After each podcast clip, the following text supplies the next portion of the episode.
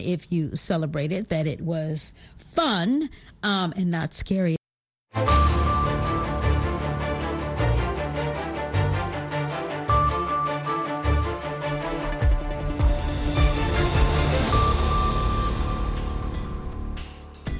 halkani waa washington laanta afka soomaaliga idaacadda v o a oo aad ka dhagaysanaysaan mawjadaha gaaggaaban efemyada geeska afrika iyo caalamkao dhan oo aad nagala socotaan v o a somali com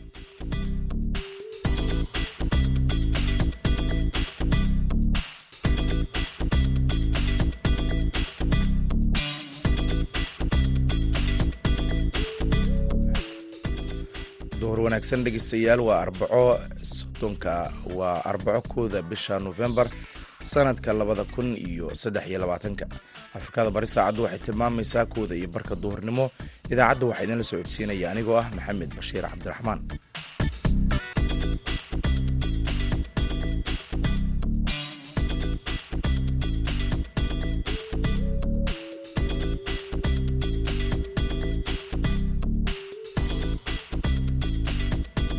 qodobada idaacaddeenna aad ku maqli doontaanna waxaa ka mid ah nin dhallinyaro ah oo dhadhaab ku bara ardayda ku adkaatay waxbarashada xirfadda kombyuutarada shahaadada aan siino qolo la dhahaayo computer society of kenya waayo oon horaan laga qaadan jiray horaan ay ku bixin jirtay hay'adda markay meesha maamuli jirtay ee siin jirtay.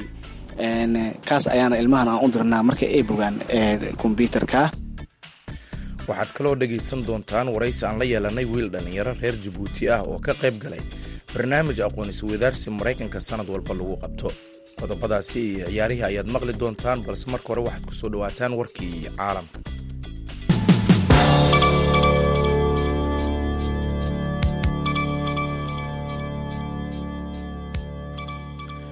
Guud ahaan isgaarsiinta ayaa mar kale ka maqan magaalada khaza iyadoo shirkadda isgaarsiinta ee falastiin ay dadka deegaanka ku wargelisay in gebi ahaanba ay go-een adeegyada taleefanada iyo internetka.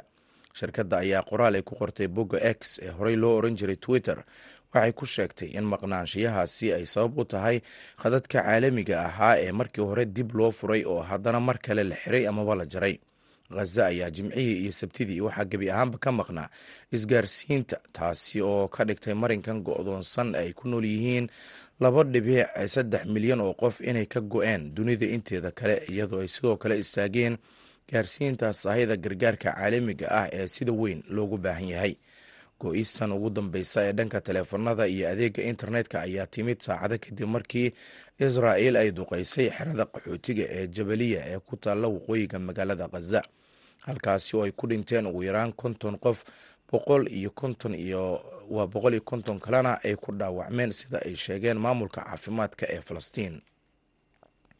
Madaxweynaha jarmalka frank walter steinmeyer ayaa arbacada maanta ah sheegay ama muujiyey sida uu uga yaxyaxay dembiyadii la geystay xilligii gumaystaha jarmalku uu ka talinayay tanzaniya wuxuuna ballan qaaday inuu kor u qaadi doono wacyiga ku saabsan gabadfallada uu dalkiisu geystay waxaan jeclaan lahaa inaad cafis idiin weydiiyo wixii jarmalku uu ku sameeyey awowayaashiin halkan ayuu stemer yiri. Mar uu booqday madaxafka maajimaji ee magaalada koonfureed ee songiya sida ku cad nuqul ka mid a khudbadiisa tanzaniya ayaa ka mid ahayd xukunkii jarmalka bariga afrika kaasi oo geystay mid ka mida weeraradii ugu dhiiga badnaa ee soo mara taariikhda gumaysiga intii u dhexeysay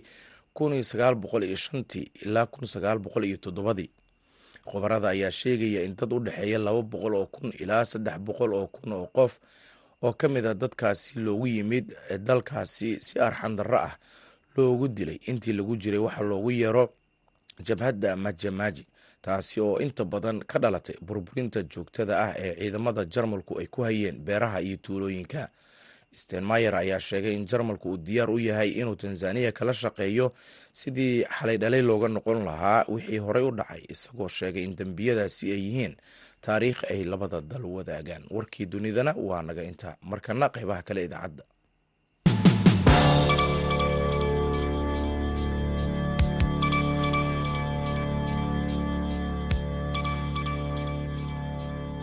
halka wararkaasi aad kala socotaan waa v o a oo si toos idinkaga imaaneysa washington. Duhur wanaagsan dhegeystayaal.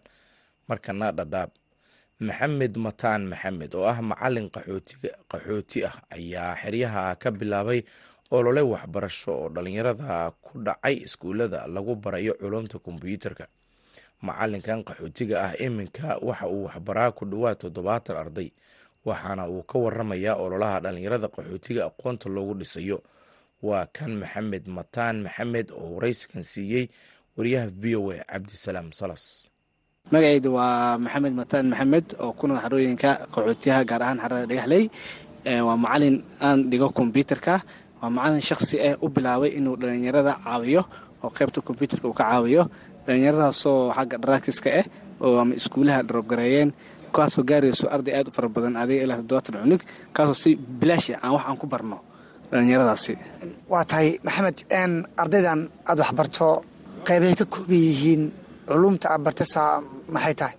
Ardayda marka hore inaa faahfaahin dheerkaasiyaa jiraa ardayda waa dad isku jiro minority oo kale dad ku jiraa dad disability ku jira curyaamiin ah dad waxaa kaloo ku jira oo kale ayana oo s n ah qoladan dhegahalla oo meesha iska imaadaan oo wax aan barno marka bulshada way kala duwan tahay oo meesha waxaa ka barato nin walba oo bulshada ku nool waa ina imaataa wax wayna ka barataa si free ah marka waxyaalaha aan barno waxaa ka mid ah kombyuutarka basic programmingka wordka iyo excelka iyo powerpoint iyo babilisha iyo internetka and internet aan barnaa. Markay bogaan qolooyinkaas dadkii awooda inay certificate iska bixiyaan wayna iska bixin dadka awoodina waan caawinaa shahaadada qaabkaa ugu bixin lahayn markay bartaanna waxaan u sii wareejinaa hay'adaha kale si n r c d r c si ay uga caawiso waxyaalaha kale koosaska kale. Waa tahay. Maxamed adigoo dhalinyaro ah oo macalin qaxooti ah inaad arday gaarayso toddobaatan arday si bilaashah aada wax ku barto waqti badan aad ku bixiso. Sababta kugu dhalaysay maxay ahayd? Noloshiida hore ayaan waxaan arkay markaa wax aan baranayay dhibaato fara badan. Dhibaatadaas ana ay qabsatay baahida hore ay qabsatay waan fikiray dhalinyaro walaalaheyda oo xarada ku nool inaa cilmigii aan bartay aan si free aan ku baro. Odoo aan waxaan dabkii nalaga caawiyo qolka nalaga caawiyo kombyuutari nalaga caawiyo waxaan go'aansanay inaan dhalinyaro si free ah oo kombyuutarka aan ku barno oo xarada dhagaxley ku nool.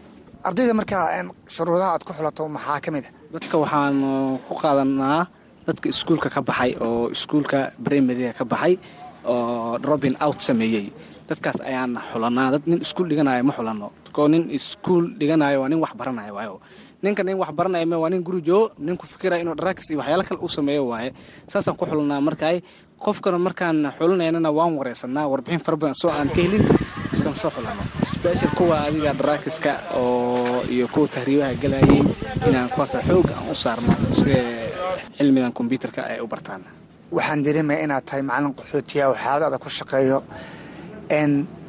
Shaqadan aad bulshada u hayso cid kugu taageerto oo dhaqaala kugu siisa miyaa jirto. Maya kaas waan wax oo hadda oo nagu taageero ama hayd ama na caabiso ma jirto. Marka cilmigan aan haddaan aan ku caawinayno bulshada waa cilmi aniga ku fikire inaan bulshada walaalaheyda aan ku caawiyo cilmiga aniga aan bartay si ay horumar ay u gaaraan. Nin oo maalgelin igu siisay iyo nin igu caabisay ma jirto. Toddobaatan arday in wax la baro waa arrin dabcan culashkeed wato waaye. Bal qalabka iyo waxyaabahan aad isticmaalayso yaa ka gacan siiyey. Waxyaalahan aan isticmaalayno waxaa nagu caabisay hay'adda kea qolkii iyo kombyuutarihii iyo waxyaalaha dhan horaanna hay'adda ayaa sii wada jirtay mashruucyaha noocyahan oo kale inay dhalinyarada ee ka caabiso xagga waxbarashada. Hoolashii markay istaageen oo xagga dhalinyarada waxbarashadii ee hay'addii ee joojisay dhalinyarada waxbarashadii ee joojisay waxaan sameynay inaa anaga mashruucii sidii hay'adda uwada jirtay aan u wadno bulshadan aan caawino si volonti ah anagu caawino bulshada ayaan go'aan ku gaarnay waa tahay ardayda marka ay galaaska bogaan amaba ay dabcan duruus u dhammaato in halkeebaad aadisaan? Ardayda kuwa bartaan oo kombyuutarka bogaan waxaan siinaa u sii dirnaa hay'adaha kale si ay u bartaan vocational trainingka. Waxyaalaha kale ay xiisanaya ay rabaan. Hadday rabaan balambinka iyo ama korontada waxyaalaha kale ay xiisanaya ama hadday rabaan kombyuutarka inay sii wataan hay'adaha n r c iyo d r c ayaan u sii gudbinaa. Si ay wax ugu faa'iidaystaan kale. Shahaadada aad siisaan xagee baad u martaan ma hay'addaa la kaashataan mase waxaa jiro iskuulle kale aad ku xirantihiin shahaadada aan siino qolo la dhahayo computer society of kenya waayo oon horaan laga qaadan jiray horaan ay ku bixin jirtay hay'adda markay meesha maamuli jirtay ee siin jirtay. Kaas ayaana ilmahan aan u dirnaa marka ay bogaan kombyuutarka waa tahay. Ugu dambeyntii in macalin fariinta aad siinayso bulshada qaxootiga ah iyo hay'adaha samafalka maxay tahay? Waxaana jeclaanahayn de hay'adaha inayna caawiyaano oo caabitaan aan ka helno sida kombyutara nagu caawiyaano ama ribyaha ay nooga caawiyaan oo kombyutara naga halaysan kan labaad dad ku nool xarooyinka ama xarada ku nool in ay naftooda hay'adihii bajadahoodii sii dhammaanayeen inay sameeyaan ay nafteeda sameeyaan. Sida bulsho nool oo wax barata oo loo helo ama bulsho fiican la soo saaro. Kaasina waxa uu ahaa maxamed mataan maxamed oo u waramayay wariyaha v o a cabdisalaam salas. Markana dhegeystayaal waxaan ku nasanaynaa heestan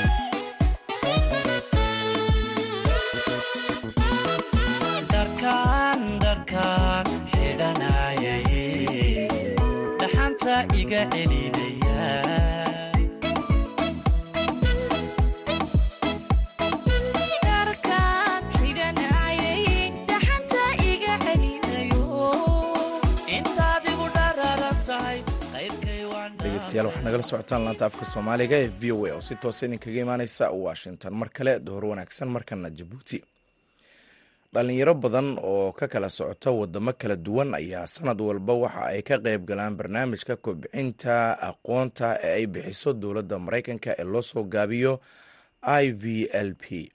Sanadkan waxaa ka qeyb galay cabdu cumar cabdilaahi oo ah agaasimaha shirkadda warbaahinta ee jib life waxa uu u waramay wariyaha v o a sagal siciid faarax oo uu uga waramay waxyaabihii uu ka soo faa'iiday oo ay ka mid ahayd sida uu yidhi sida shirkad loo dhiso iyo weliba sida looga midho dhaliyo waad ku mahadsan tahay sagal sida aada ii siisay wareysiga aad jaaniska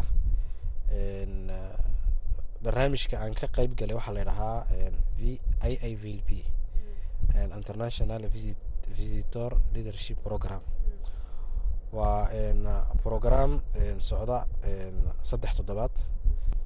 Barnaamijka wuxuu bilaabmay kun sagaal boqol iyo afartankii.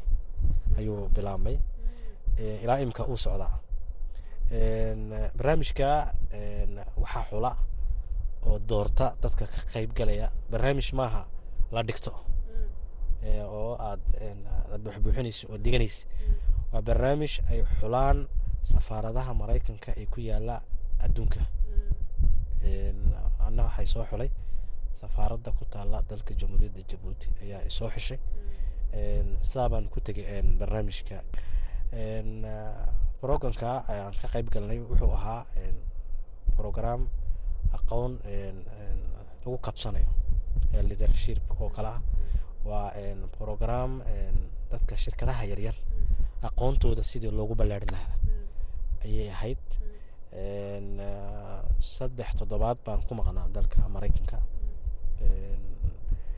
Wallahi wax badanna waan ka soo faa-iidnay oo maraykan de marka aad tegtay maraykanku waa adduun kale de waa wadanka qaaradda ee intaa la eega weyn. Wixii igu yaa badnaa aan ka arkay horta waxaan soo marnay afar state buu ahaa marka programku hal meel ma ahan marwa meel baad tegeysiin programku haa uu badnaa waa program soo diyaariyey waa program aad iyo aad u badnaa waa program aqoontiisu ay ballaanayd waa program la isku dabariday. Waxyaabaha ugu badan hadda adig kala soo noqota soo barateen maxaa ka mid ah asleda waan ka soo faa'iday programka intaan taa u gelin sagalay horta waxaan ahayn saddex iyo labaatan dalal baan ka imanay afrikada u badnayd oo etoobiya nagu jirtay soomaaliya nagu jirtay inaan maxamed muuse la yidhaaho jaamacadda simad mas'uulka ahaa. I t baa nagu jirtay. Adu waxaan ahayn saddex iyo labaatan dhalinyaro ah oo shirkado yaryar ku leh afrikada. Oo aqoonsi inay biirsadaan u yimiday marka waxaan ka bilownay socdaalkeena washington. Marka waa program la diyaariyey oo socday saddex toddobaad. Ani ahaan waxaan ka soo faa'iiday waxa weeyaan de waxa igu dhaliyey dhiirigelin bay igu dhalisay dad baan la kulanay. Meeshii igu igu aan igu taabatay igu maad aragtay iyo cajabiyey aniga wuxuu ahaa la yaabay. Marka aan ku aragnay boston ilmo yar oo afariyo toban jir oo shirkad leh waa heerka la gaadhay dee maraykan afariyo toban jir shirkad leh afariyo toban jir shirkad leh meesha aan ku arkay tay cajabisay caadi maaha te yani dareenkayga wax ku beertay africa markaan joogno qofku afariyo toban jir markuu yahay dee hamigaa kuma jiro waa waa waa meesha la gaadhay dee maraykan marka la idhaho marka waa dad la diyaariyey oo laga shaqeeyey oo aada loo iskugu wallahi maraykanku wuxuu nagu dhaamaa waa horta waddan iska furan. Cid kasta ay maad aragtay riyadiisu maad aragtay ay ku rumowdo waa dad lala diyaariyey. Iyagu waxay u badan yihiin xagga innovationka innovationka la yidhaaho startupka ayay u badan yihiin. Wallahi waxaan ku aragnay dhalinyaro badan oo shaqaysanaya oo wax abuur la imanaya dowladdoodii iyo dadkoogiina ay ku taageerayaan. Marka qofku markuu la yimaado uu yihahdo fikirkaabaan hayaa waxaa baan rabaa inaan abuuro. Waa meel garab lagu siinayo. Waa meel garab lagu siinayo oo la garab joogo. Experiencekina way leeyihiin.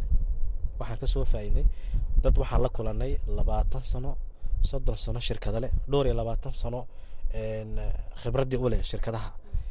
Oo markaan meeshii aan tagnay wax noo kordhiyay de shirkad markaad sameysanaysay dhibta aad la kulmaysay siaad uga baxaysay marka aad maad aragtay aad aad shirkad samaysanaysay tirar buu leeyahay shirkaddu. Tirarka aad ku dhaqaaqaysa aad ka duulisay waxaan la kulanay dad aqoon-yahana oo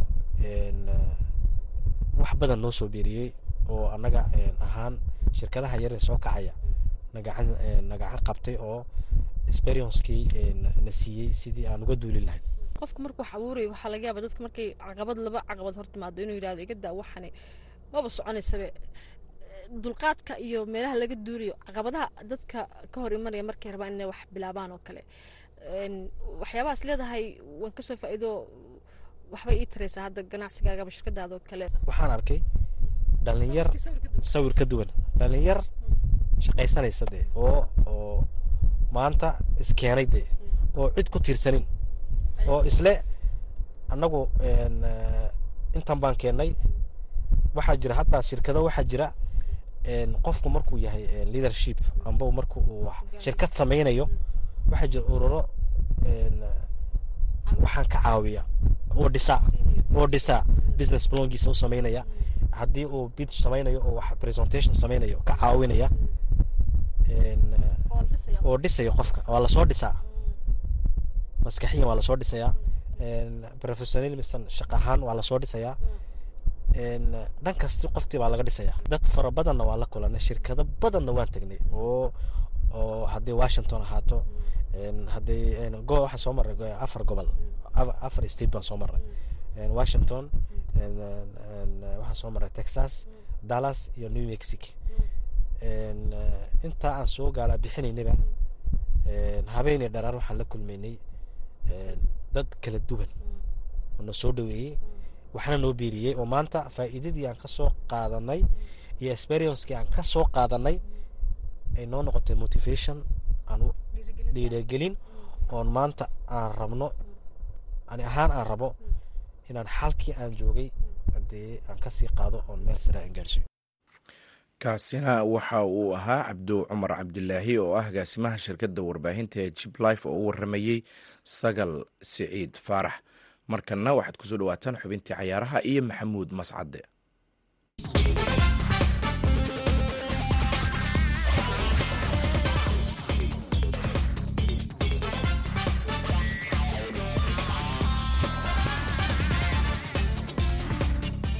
kulan wanaagsan dhegeystayaal dhammaantiinba kuna soo dhowaada xubinta ciyaaraha koobka loo yaqaano e f l cab ee waddanka ingiriiska oo xalayto kulamo ka mida la ciyaaray islamarkaana kooxaha hoose ee waddanka ingiriiska qaarkood ay ku kulmeen ayaa caawa kulamo adag la isugu soo noqonaya iyadoo ay fooda isdarayaan kooxo ka wada dhisan amaba ka wada tirsan horyaalka waddanka ingiriiska kooxda kubadda cagta arsenaal ayaa booqanaysa gegida london stadium ay ku ciyaarto kooxda kubadda cagta ee westerham united.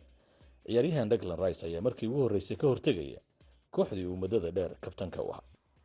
Kooxda kubadda cagta ee f c banmouthna waxa ay gurigeeda ku soo dhaweyneysaa kooxda kubadda cagta ee liverpool chelsea gegida stamford bridge. Waxay kula ciyaareysaa kooxda kubadda cagta ee blackburn rovers oo ka mid a kooxaha heerka labaad ee waddanka ingiriiska. Everton iyo burnley ayaa goodison park isku herdinaya halka ipswich town iyana oo ka tirsan ciyaaraha heerka labaad ee waddanka ingiriiska ee kooxda kubadda cagta ee fulham la ciyaareyso laakiin kulanka ugu xiisaha badan ee caawa dhacaya waxa uu dhex marayaa kooxaha kubadda cagta ee manchester united iyo newcastle united.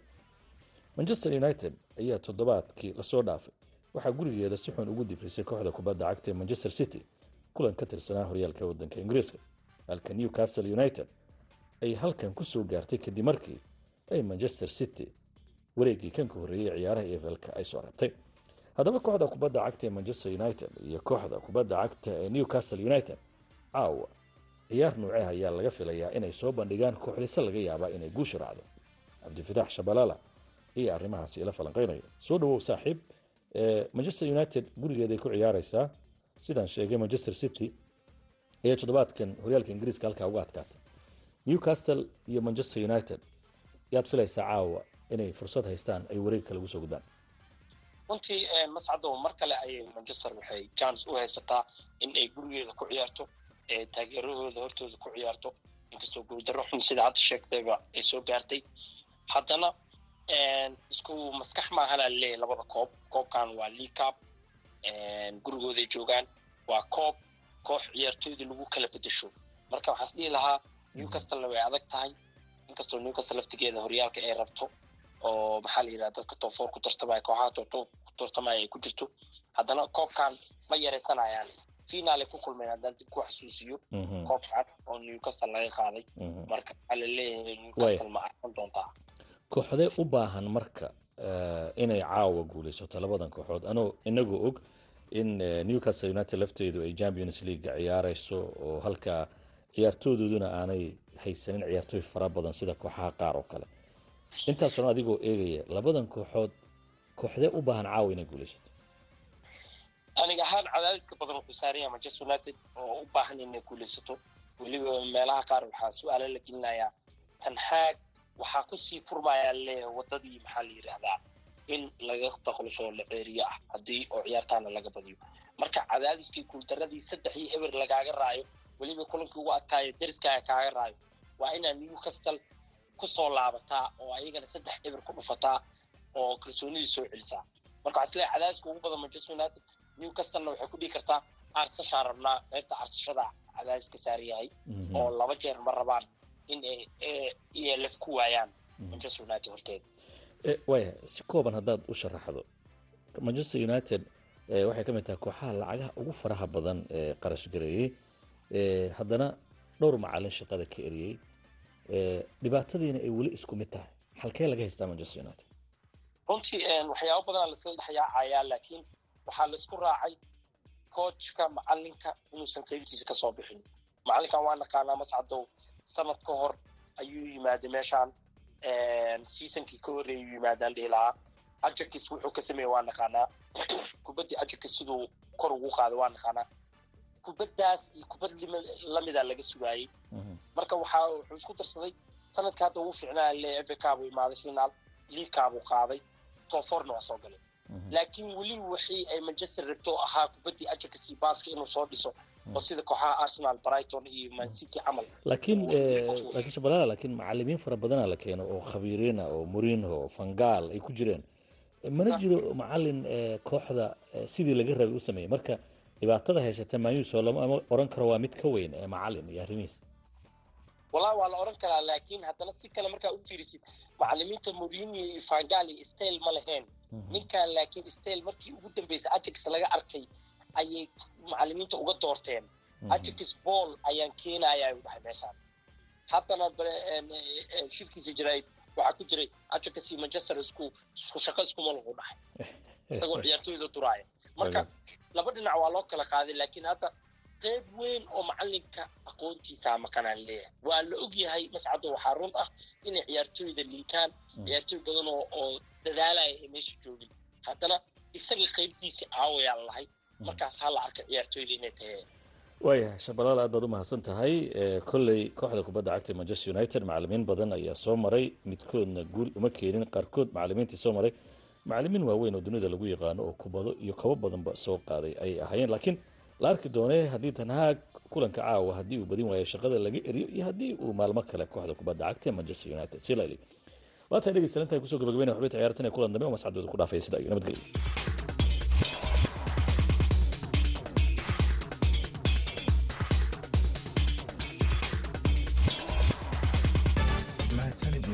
mascade oo xubintaasi cayaaraha nala socodsiinayay. Markana dhegeystayaal waxaan ku laabanaynaa. Mid ka mid a kaalmaha hiisaha aan idiin hayno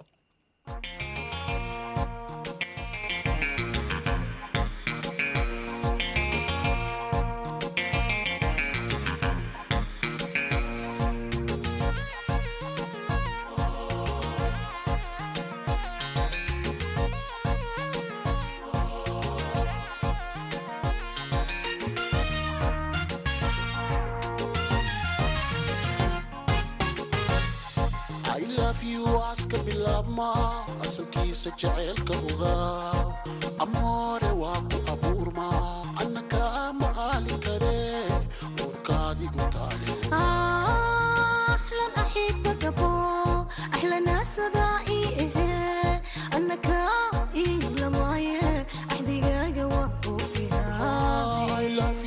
iska bilaabma asalkiisa jacaylka